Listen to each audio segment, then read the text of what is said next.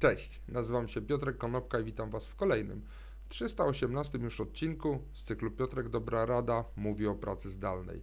Dzisiaj powiem o nowelizacji kodeksu pracy odnośnie właśnie pracy zdalnej. Ministerstwo Pracy zapowiada bowiem, że zmiany mają wejść w życie już od stycznia 2022 roku. Jednak tak jak w Polsce tych zmian nie mamy jeszcze ostatecznie zaakceptowanych i opracowanych.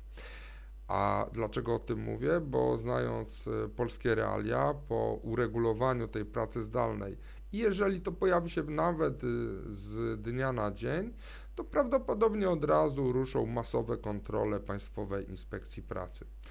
E, dlatego należy śledzić te wszystkie zapisy, no bo co to w ogóle będzie oznaczało? Dzisiaj w kodeksie pracy mamy uregulowaną telepracę. Mamy również wprowadzone rozporządzeniami i ustawa, ustawami około-covidowymi, mamy zapisy dotyczące pracy zdalnej, które były reakcją na to, że pojawiła się pandemia.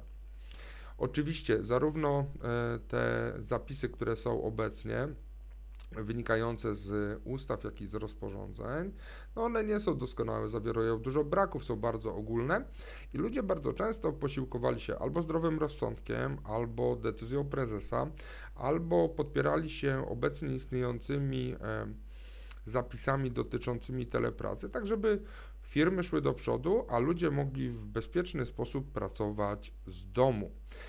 Ale teraz, jeżeli zostaną wprowadzone zapisy do kodeksu pracy dotyczące pracy zdalnej, to zapisy dotyczące telepracy z tego kodeksu znikną.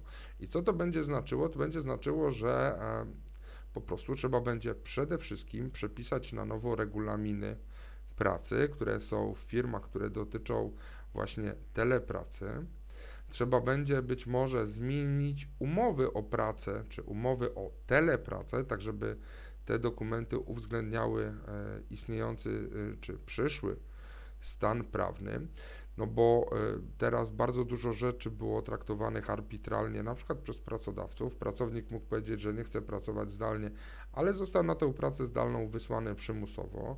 Nawet jeżeli mówił, że nie ma warunków do takiej pracy, to te wszystkie rzeczy nagle znikną. Trzeba będzie uregulować na przykład kwestie ekwiwalentów za używanie prądu, za używanie komputera prywatnego, e, czy na przykład kwestie tego, jak urządzić biurko czy skąd pracownik powinien u siebie w domu mieć krzesło odpowiedniej jakości.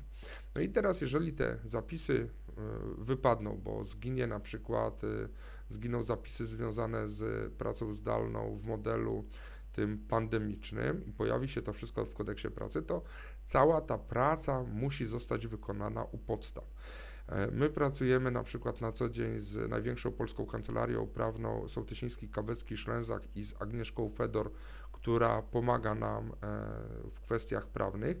Natomiast e, firmy będą musiały na to zwrócić uwagę albo samodzielnie, albo przy użyciu właśnie zewnętrznych kancelarii do tego, żeby posprzątać to, co się dzieje po stronie ustawodawcy, tak żeby nie było podstaw do otrzymania na przykład mandatu.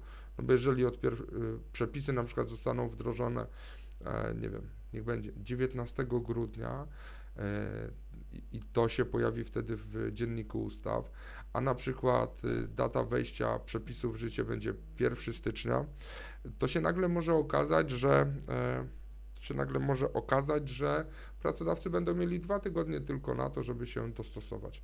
Także zwracajcie uwagę na komunikaty, zwracajcie uwagę na to, co się dzieje w przepisach i być może e, uda nam się uniknąć mandatu pokontrolnego z Państwowej Inspekcji Pracy.